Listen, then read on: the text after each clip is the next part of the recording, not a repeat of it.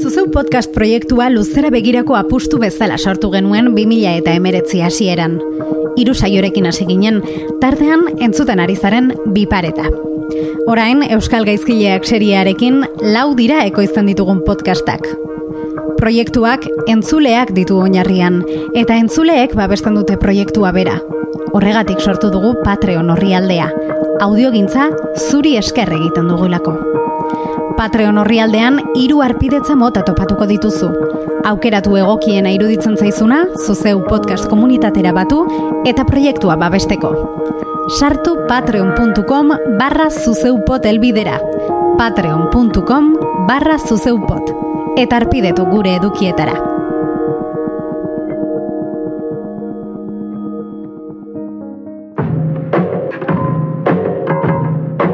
Behaiek ala nahi izan gabe, baina eske sentitzezea e, zure balioa asko zere gutxituagoa.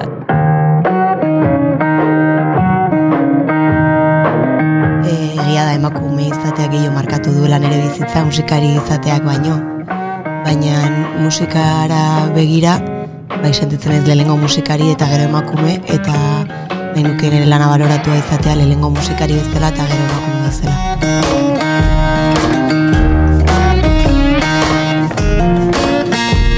Kaixo zer modu Zarrate Hernandez Oiarbide naiz. Ongi etorri biparetan.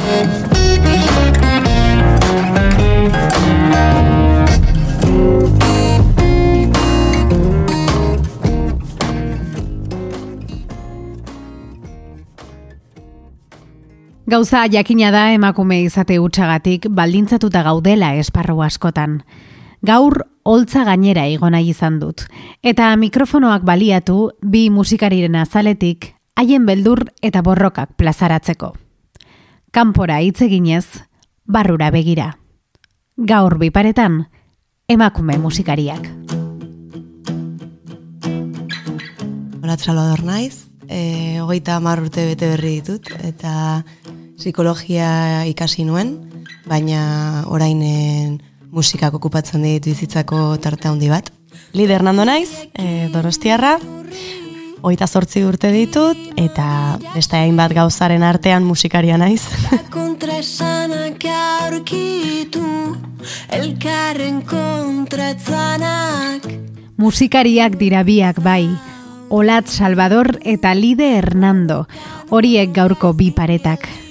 Batzen dituzten gauza guztien gainetik, bi ahots ezberdin, bi erritmo, bi gorputz.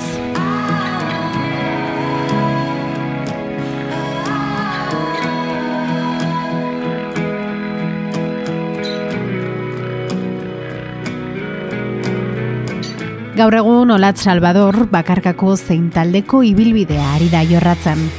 Bere izena daraman proiektu pertsonalarekin batetik, eskakeitan taldearekin bestetik. Lide Hernando Berriz bakarrik hasi zen arren, Lier bandaren kide da orain. Biek alabiek betidanik izan dute musikarekin lotura, baina ez dute beti beren burua musikaritzat jo. Hasi nintzen abestiak sortzen, karreran nintzela, baina oraindik ere nire intimitatean sortzen dituen, orduan ez nun musikaritzat jotzen nire burua. Eta gero ja lehenbiziko aldiz e, estratoki baten gainera igo nintzenean, etzela lierrekin izan, baizik eta aurretik nekan beste proiektu batekin, eta bertsioak abestera gainera, orduan hasi nintzen nire burua musikari kontsideratzen. Nik ez badet nire burua musikari bezala aitortzen nork aitortuko du.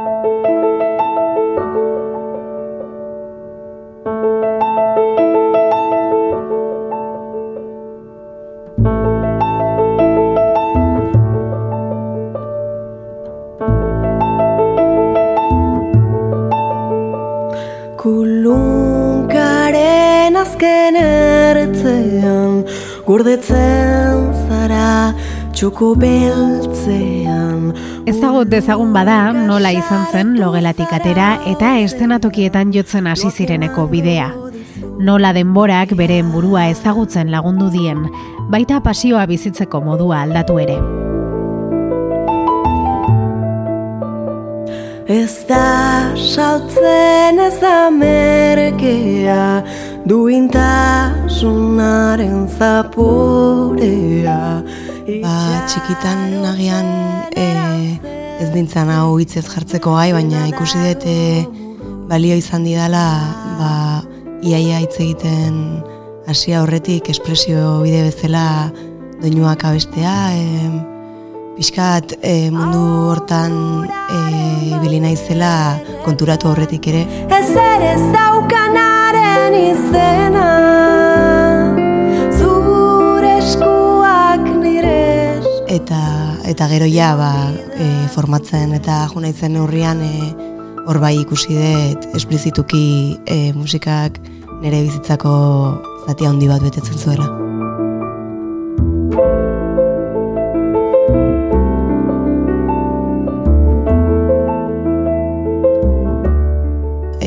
Komunikatzeko beharra handia aukitzen dut, e, nahiko gardena naizela esaten diate, askotan e, ezakit badaukate behar hori gauzak sentitzen ditudan bezala esateko, ez? Eta eta hitzez egiten dudan bezala, ba, ba musikaren bitartez ere egiten dut eta saiatzen naiz nire buruari ba leiala izaten zentzu hortan ere.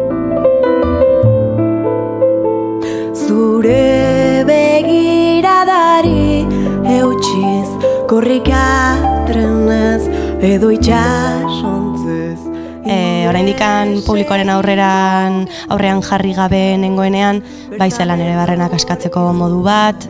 E, bueno, azkenean zan nik sentitzen nuen pasio bat, beti da nik abestu izan dudalako eta eta erabaki nolako momentu batetik aurrera, baina puntu batera iritsi nintzen, non jendearen besteen bertsioak e, abesteaz ba, guztiz ja asetu nintzen eta esan nuen jo, ba, orain ja nerea aportatu nahi dut. Eta orduan hasieran bai izan zen gogo hori asetzeko e, forma bat.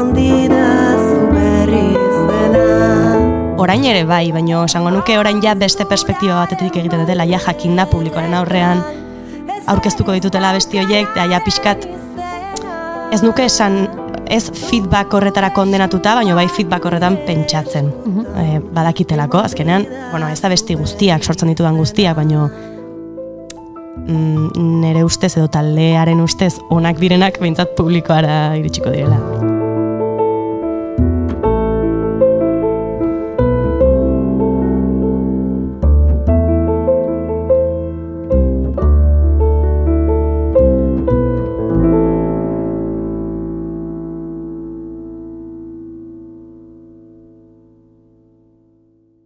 Pasioa aipatu dugu, afizioa, eta betiko galdera datorkigu burura.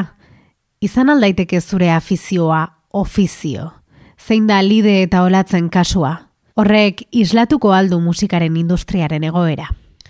Ba, nik uste oso berde dagoela, azkenean en, sektore guztiek daukate ba, zakit hitzarmen bat, edo lan erregulatuago bat, e, formalago bat, ba, orduak ordaintzen dira, e, lan jardunaldi bat dago, e, bueno, azkenean abanikoa zabala izan daiteke, baina musika jende askorentzat ez da lan bat, eta orduan e, lehenengo ez da nik uste hor sortzen dela, asko ke afizio ezela bizi dutelako, eta beste batzuk ofizio nahi dutelako, eta, eta hor sortzen dira lehenengo talkak ez.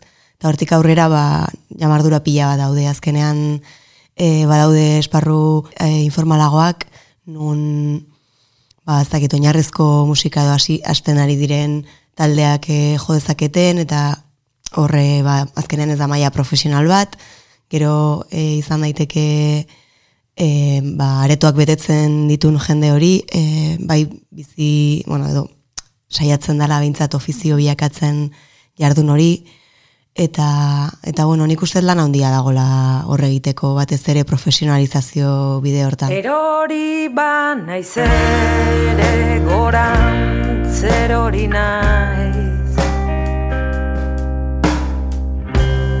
Nola ura zalaratzen arrainak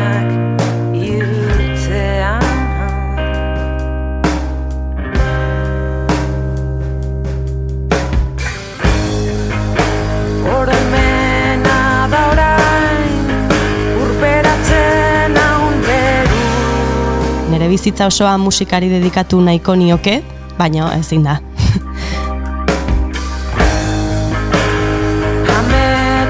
berriz, gorantzara mauntza maustuna, ingura, egotuna. Eta, ba bueno, baditu beste nire lana daukat, lanbidea eta beste hainbat gauza, baina askotan iruditzen zait musikari horren beste esfortzu eta eta pasio dedikatzen diotela, ba, ba uste beste e, esparru asko janiten ditula edo jateko e, arrisku horretan dagoela, ez askotan, askotan sentitzen dut jo, ba, beste gauzak eta sentitzen dut beste gauza hoiengatik, baina ez dituztela, ez dut ez ditudala musika bezain serio hartzen batzuetan. Uh -huh. ez dut lortu musikaz bizitzea, baina baina bueno, bide bat irikitzea bintzat bai eta eta hori ba, e, afizio bat bezala hasi zen, baina azkenean ba, lurbola hori azten junden neurrian e, ba, bueno, ba, gauza batzuk planteatu behar izan ditut eta eta momentu batean bai erabaki bat izan dela e, musikan ere bizitzen egotean nahi dudala. Beste lan bat uki behar izan da ere, e, jarraitu nahi dudala musikarekin. Barruko bulkadei segika apustu bat egin dute lidek eta olatzek. Eta haiek bezala beste askok. Emakume izatea baina traba bat izan daiteke. Pixu gehigarri bat. Enuke esango zaiagoa dainik e, jarduna bera aurrera eramatea, eltasun batzuk aurkitu daitezken arren, baina bai e, pauso hori ematea. E, oltzara e, komplejo hori gabe ateratzeko e, ez dakit grin hori ukitzea eta eta zure talantza guztien gainetikan eta komplejo guztien gainetikan ba, horregotea eta sentitzea horregotea merezi dezula. Bai, bai, azkenean emakume izateak egite zaitu edo zein pausu ematerakoan uzkatua sentitzea, e, baina edo zein gauza egiterakoan, ez bakarrik musikan, e, klase batean e, eskua altxatzerakoan e, zerbait esateko, ere normalean guk prozesu bat gehiago pasa behar dugu, mm -hmm. mentalki ez, hortara usartzeko, orduan, ba, zer esanik ez, taula gainera igo eta publiko baten aurrean lotxak entzeko. E, hori, ba, bueno, nahiko zaila da, hasieratik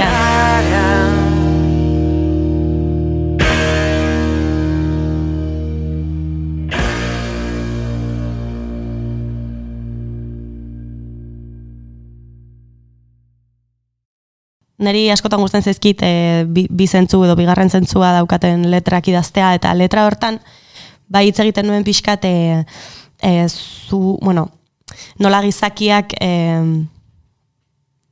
piztiak edo e, kaiolatan sartzen dituen pentsatu, pentsatuz piztia hori e, zaindu edo mugatu behar dela gizakiari ez minik egiteko eta azkenean ba, pixkat kontrakoa dela egoera ez gizakia dela benetako piztia. Basoan izkutaturik Nor geizatzen Duan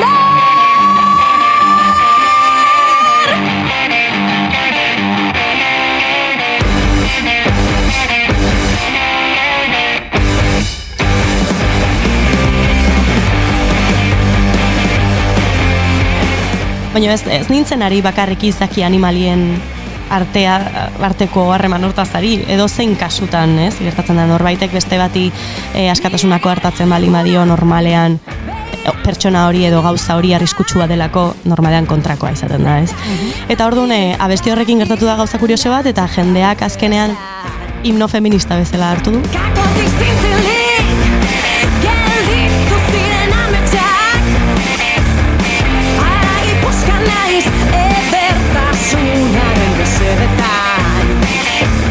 Eta oso gauza polita iruditu zait. Gauza bat nik momentu horretan ez nuena horrela pentsatu edo ez da, e, esaten na hau ez da feminista besterik gabe itatzi mhm. nuen, momentu hortan hori sentitzen nulako, eta ba ikusi dut ba manifa askotan, e, txosna feministan, e, olako bilgune tan jarri dutela besti hori, eta ba, ba hartu du beste izakera bat nik momentu hortan ez niona eman eta gaina nik orain izango nuke horrekin identifikatzen dutela bestiaren letra. Orduan hori oso gauza polita dutzen zaitu.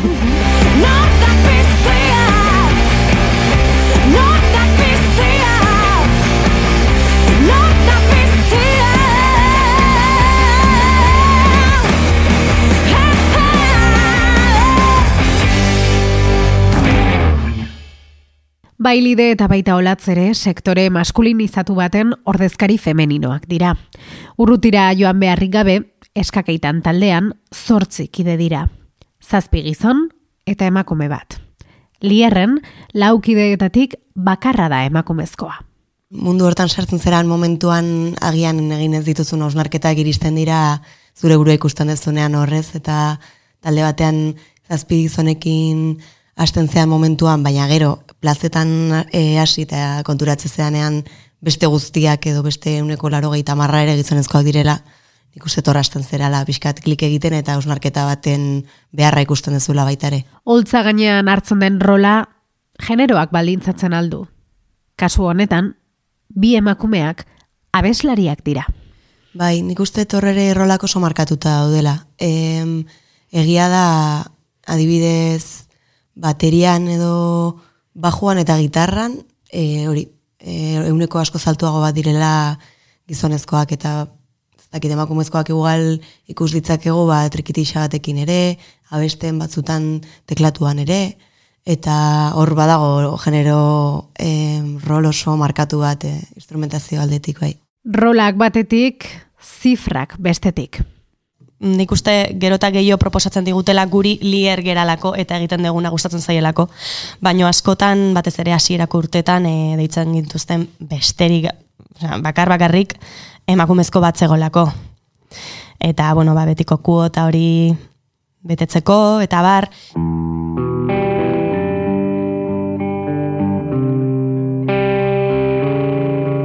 ados kuota horren alde nago, eh, ze iruditzen zaidala oso pausu garrantzitsu eta beharrezko bat, ba gerora naturalki e, lortzeko e, emakumezkoen taldeak ere kontratatzea, ez? Zeren oraindik orain e, jaialdirik nagusinetan euneko bosta izaten dira emakumezkoak, holtza gainean, holtza azpian euneko 0,bost. Orduan, e, bai dia kotak garrantzitsuak, baino e, e, gezurra esango nuke ez banu esango ba, oso gauza negatiboa egiten zaigula. E, olako proposamen bat e, jasotzen dugunean ez? Zeren iruditzen zaizu zuk egiten duzu lan horrek ez duela bat ere barrio baizik eta balio duela obario pare bat izateak. Eta listo osea orduan e, Behaiek ala nahi izan gabe, baina eske sentitzen zea, e, zure balioa asko zure gutxituagoa. Heldu da, holtza gainera igotzeko momentua. Publikoa zain dago. Itxaroten ari da. Eta begira.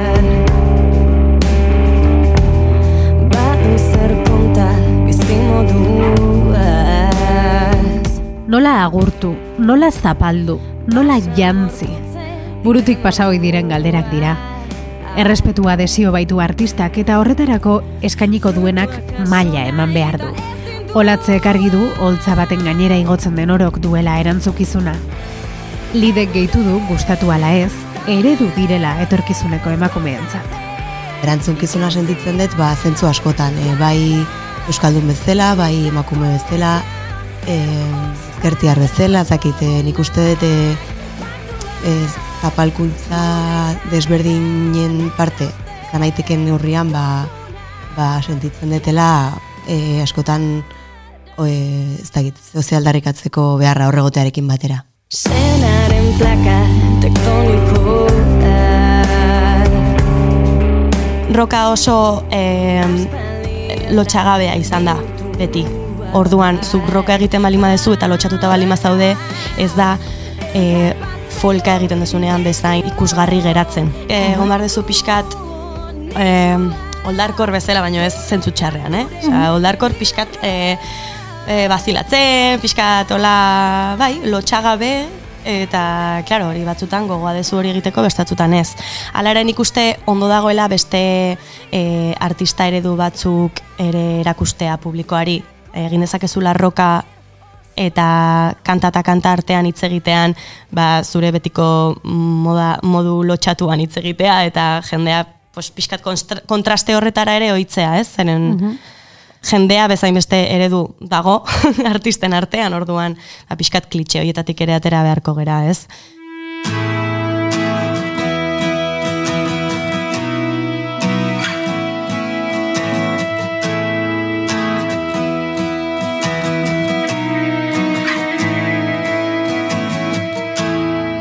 Zintzilika bestia berezia da niretzat. E, horrek eman zidalako pista, ez? E, abesti guztiak biltzen zituen kontzeptu bat iruditu zitzadalako. eta eta berez dis, diskoa ez nulako konposatu horri begira, baina bapatean konturatu nintzela nintzelako bazukalat ari bat ez eta eta horrek e, zentzua eman zion neurrian ba niretzako oso abesti garrantzitsua eta kutxuna da. Kaskatu baino lehen Sarria erean galtzen den Urbuioietako bata Eta ez olatzentzat bakarrik. Behin entzule batek kontatu zion, zintzilik kantuak aitaren eriotzaren dolua gainditzen lagundu ziola.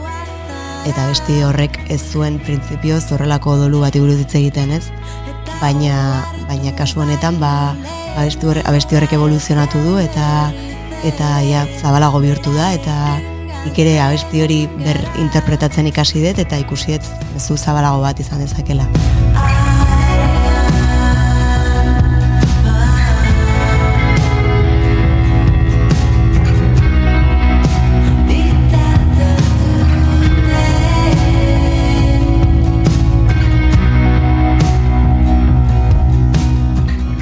Eredu zara, zerbait duzu kontatzeko, beste hainbat erakusteko, eta horren aurrean bada letrak baliatzen dituenik. Lidek ez du zuzenean bide hori hautatu. Nahi gabe beste bide batzuetatik aldarrikatzen du merezi duen tokia. taula gainean eukitzen saiatzen naizen edo ateratzen zaidan e, aktitudearen gatik, eta gutxiago letrengatik, baina bueno, ez, ez horrekin ez dut esan nahi e, gai em, feministei edo uko egiten didanik, esango nuke gainera ni feminista izanik, nire letra gehienak feministak izango direla, edo guztiak, osea, azkenean e, donostiko turismoari buruz hitz egiten dudan abesti baten ere, bueno, beste gai bat da, baina esan nahi dut, nik ere feminismotik idazten dut, eske esan nahi dut, feminista naizelako eta emakumea. Orduan, em, baino bai egia da, ez ditu dala horren beste e, esfortzu edo bideratzen e, letrak horri buruzko, bueno, horri buruz idazteari. Bakarrik etortzen dira hitzak. Arkatza paperaren gainean jarri eta dantzan hasten da. Uste dut, letrak egiteko garaian nabaritzen dela zeinek egin duen letra hori eta eta ba, ze generorekin sozializatu dan. E, batez ere hori nik eh, ikusi etelako adibidez nire letra asko e, e, oso emozionalak direla eta eta behin e, analizatzen jarrita asko beldurretatik eginda daudela ez? Eta iruditzen zait e, ba, gizonezkoak e, ez dituzten bezala beldurrik ez izateko edo beldur hori ez adierazteko ba, ba guk bai euki dugula presenteago eta alabearrez e, egoera askotan beldurrarekin bizi behar izan gerala eta hori letretan ikusi daitekela.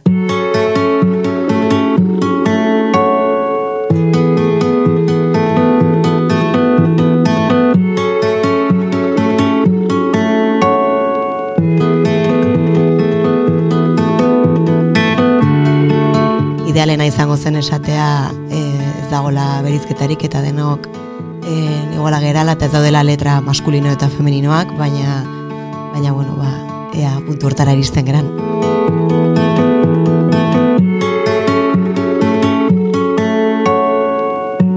Begitxoiekin behiratzen zenidan Esan ez bezala ez zaitez joan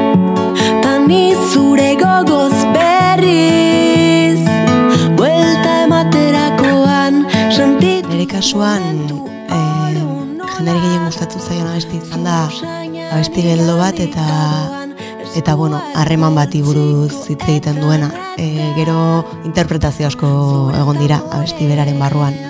Baina, baina bueno, e, harreman bateko momentu puntual bati buruz hitz egiten duen abesti batek izan du arrakasta handiena. Zapurea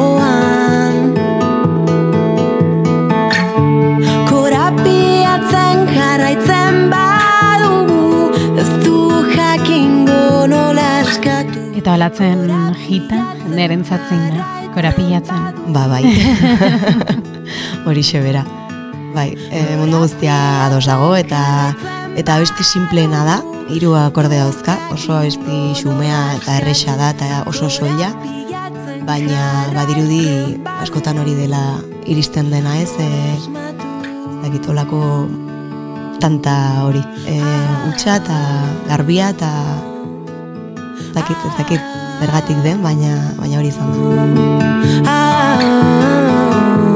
Jende guztiak uste du harreman baten amaieran sortutako abesti bat dela, eta eta kasu honetan eh, harreman baten hasieran sortu nuen. Eratzen zenidan, esan ez bezala ez zaitez joan. Beldur guzti horiek analizatzeko, ez? E, ba, norbait berria ezagutu eta ezak sentitzen aste horrek ematen duen bertigotik sortu zen abestia. Oro nola, zure usainan igandik badoan, eskuak poltsiko eta eta zure zaporea oan.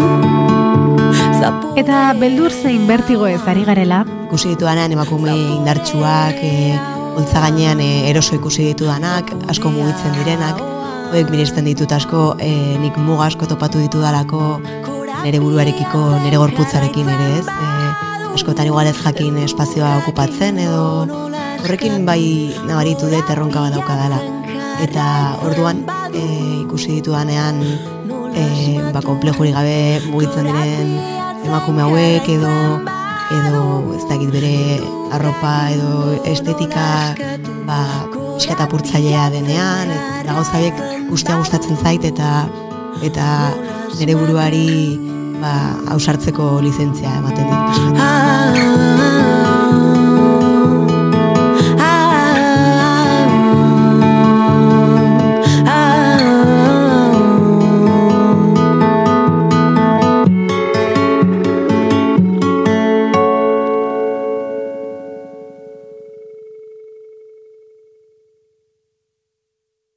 Musikan hasi nintzenean oso proaktiba nintzen feminismoan orduan. E, momentu hartan uste nuen, edo pentsatu nuen, erabaki nuen, egin nuela nire e, gorputza sexualizatzearen kontrako prozesua.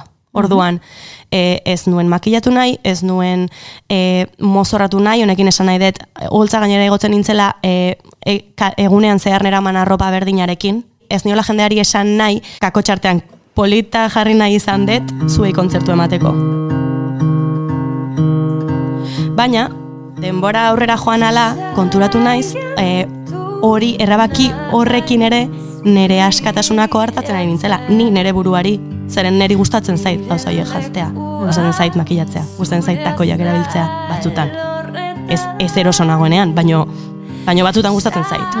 Orduan, pixkanaka, pixkanaka, junaiz kapa horiek berriz ere jartzen. Eta gaur egun, ba, gustatzen zait ez berdintasun hori markatzea. Nire errua zure pai gogorretan laguntzen dit pentsatzeak momentu honetan naizela lierreko abeslaria, ari naizela show bat ematen, eta ba, itxurak e, oso gauza super, superficiala dirudien arren laguntzen du. Aktitude horren aldaketan. taldekidek ere berdina egiten dute. Ez. Bitu, hor bai ikusten dutela kontrako egoera bat, zeren nik askotan esaten diet, ikustet argazki bat, gizonezkoen talde batena, hola, pues igual traje batekin edo jantzita, esaten diet, buah, ke guapo, tio, ze bat eta horrela jantzten, eta uf, ze lotxa. Orduan, ba, klaro, eske hor, genero rolak, ose, oso jokabide edo joko komplexuak sortzen dira, e, lako gauzetan. Tu zure besarkadek eta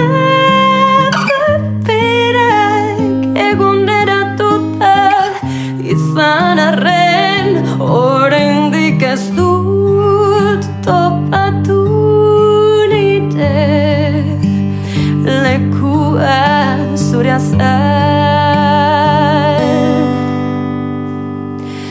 horretan.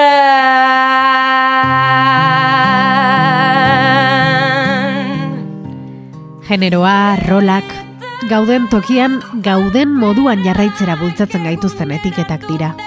Mugak ere izan daitezkenak. Eremu itxi horretatik ateratzeak beldurra ematen digu, besteak beste epaituko gaituztela badakigulako. lekua zure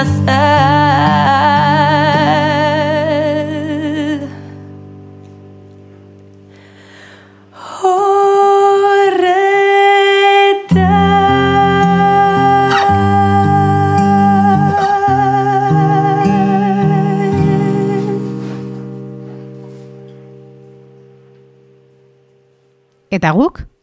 Epaitzen alditugu besteak. Saiatu naiz ez epaitzen, badakidalako e, ez dutela gustoko jendeak ni epaitzea, eta orokorrean bizitzan saiatzen naiz, zaila den arren, eta askotan gure trampetan erortzen geran arren, e, jendea ez epaitzen. E, bakoitzak bere zirkustantziak dauzka, eta eta bueno, bakoitzak badakiz egin bere bizitzarekin. Gero, holtza baten gainean, e, bai fijatu naizela emakume askoren gan, baina ez epaitzeko bait gehiago referente bezala, ez? E, Eta enbidiarena, e, nire kasuan adibidez inevitabla da, eske nik, ez dakit, ez dakit emakume naizelako edo ez, baina nik enbidia askotan sentitzen dut. Eta nik uste esanin behar dela, gainera, ez dezula, ez dutela ezer lortuko hori izkutatzen. Ba, bueno, bai, enbidia, enbidia sentitzen dut, sanoa gehienetan, ez sanoa batzuetan ere bai. Eta nik uste badala emakume bezala erakutsi diatenaren gatik. e, azkenean erakusten digutelako, ezin degula gure artean ekipoa sortu, eta, eta egon behar degulako bata besteaz gaizki esaka. Eta pena bada, tani saiatzen naiz, eh? saiatzen naiz. E, horri erremedioa jartzen, eta, eta ba hori, ba, artista bezala guztiak maitatzen eta errespetatzen. Horren aurrean argi dute, elkartzea da bidea. Holtza gainean eta baita hortik kanpo ere. Zamak arinduko dira horrela, naiz eta desagertu, ez diren desagertuko. Hori, ez baitago emakumeon esku bakarrik. Jantziza zugona Tantzuna iziak horazpin dihona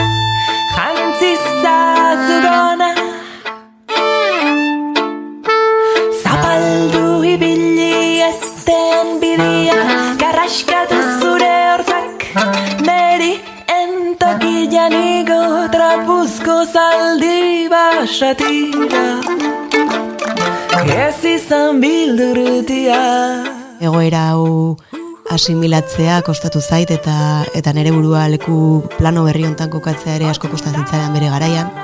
Orain hobeto daramat, ba igual eh, ez dakit, argazki bat eskatzea edo edo jendea gerturatzea e, gehien, gehienetan intentzio honenarekin izan den arren e, anonimotasuna galtza kosta zait pixkat. Gehienetan esan duzu. Bai, bai em, iritzi ezain positiboak ez dizkiate aurpegira esan, beste modu batzutara iritsi zaizkit.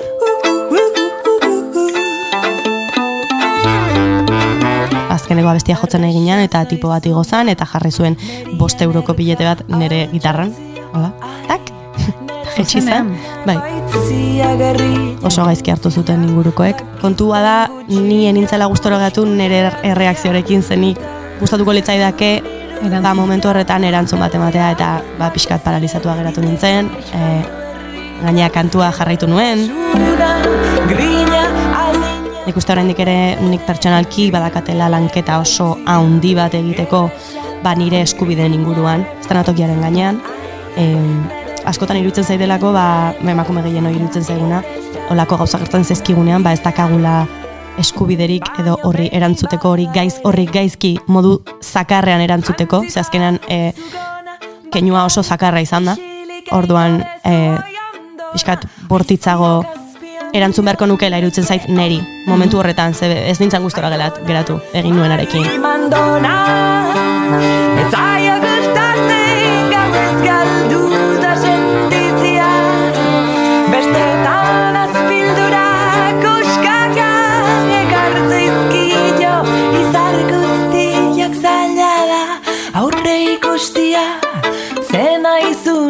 Esatia Aizpa, lengusu laguna, amona aiona, jantzi zutzuria, gizona jantzikona. Baino eskatzia inuko abandona. Ezin da eman gona, aizia tan ere artian dona, gona aizia tan ere aretian dona,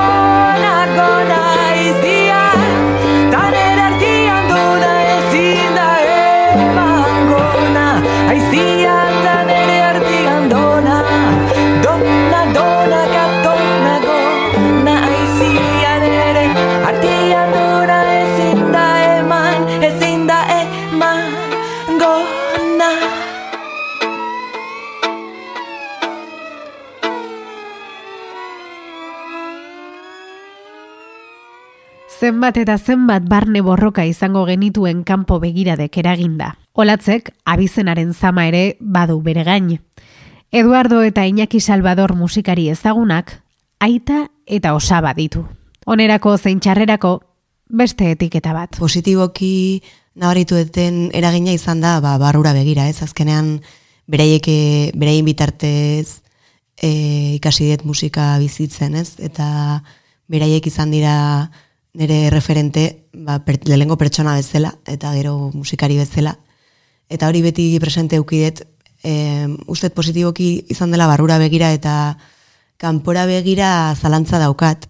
Lehen aipatzen izun e, gehienetan gauza positiboak esaten dizkidatela, baina ez beti. Eta mm, markatuta gelditu zitzaidan gauza bat izan zen esan zidatela e, nire familiaren abizena erabiltzen ari nintzela. Eta, bueno, niri ez nago ados horrekin, eta hori lehengo gauza, eta egia esan, e, ez dakit, ba, harritzearekin batera pixkat aserre puntu bat e, eragin zidan, ze esan nun, Mira, gauza asko aukeratu ditut nire bizitzan, baina nire bizena ez.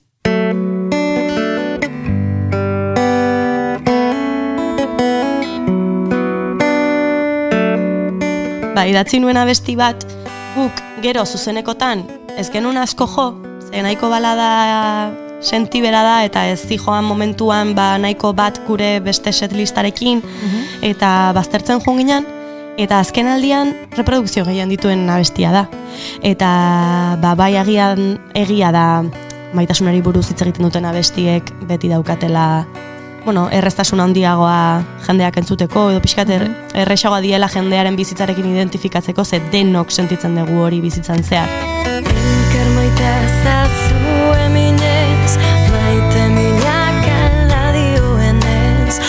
Jose zazu bihotza arantzez Maitea zarro egoteko xedez Neurtzen baduzu bestearen bidez Zentzuri Norberaren indarguneak identifikatu eta azaltzeko zailtasunak ditugun arren, horiek goraipatzen bukatuko dugu. Merezi duzuelako. Ba, uste dut, e, izan daitekela e, egia esaten detela. E, Oltza batera igotzen nahi zenean ni naizela eta eta ba, saiatzen naizela barrerarik ez eukitzen. E, nik uste hori izan daitekela. Benetan gustatu ala ez egiten detena, e, benetan zintzoa dela eta eta ez naizela inorren gainatzen saiatzen ari. Ba, ahotsa, suposatzen dut.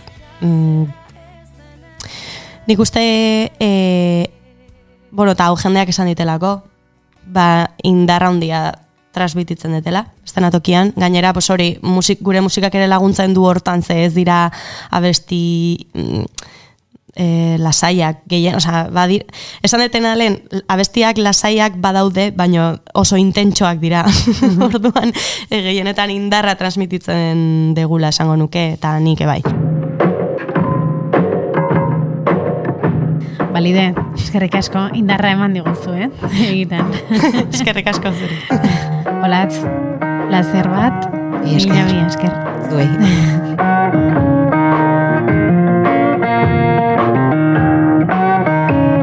Entzule, zuri ere eskerrik asko. Besarka da estu estu bat, eta datorren astera arte.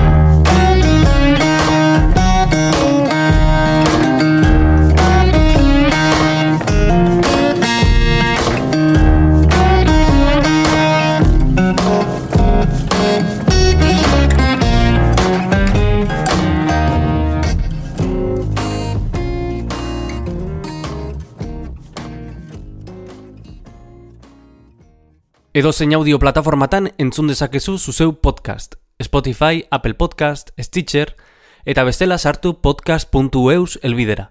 Hori da, podcast.eus. Eta bertan topatuko dituzu ekoizten ditugun saio guztiak.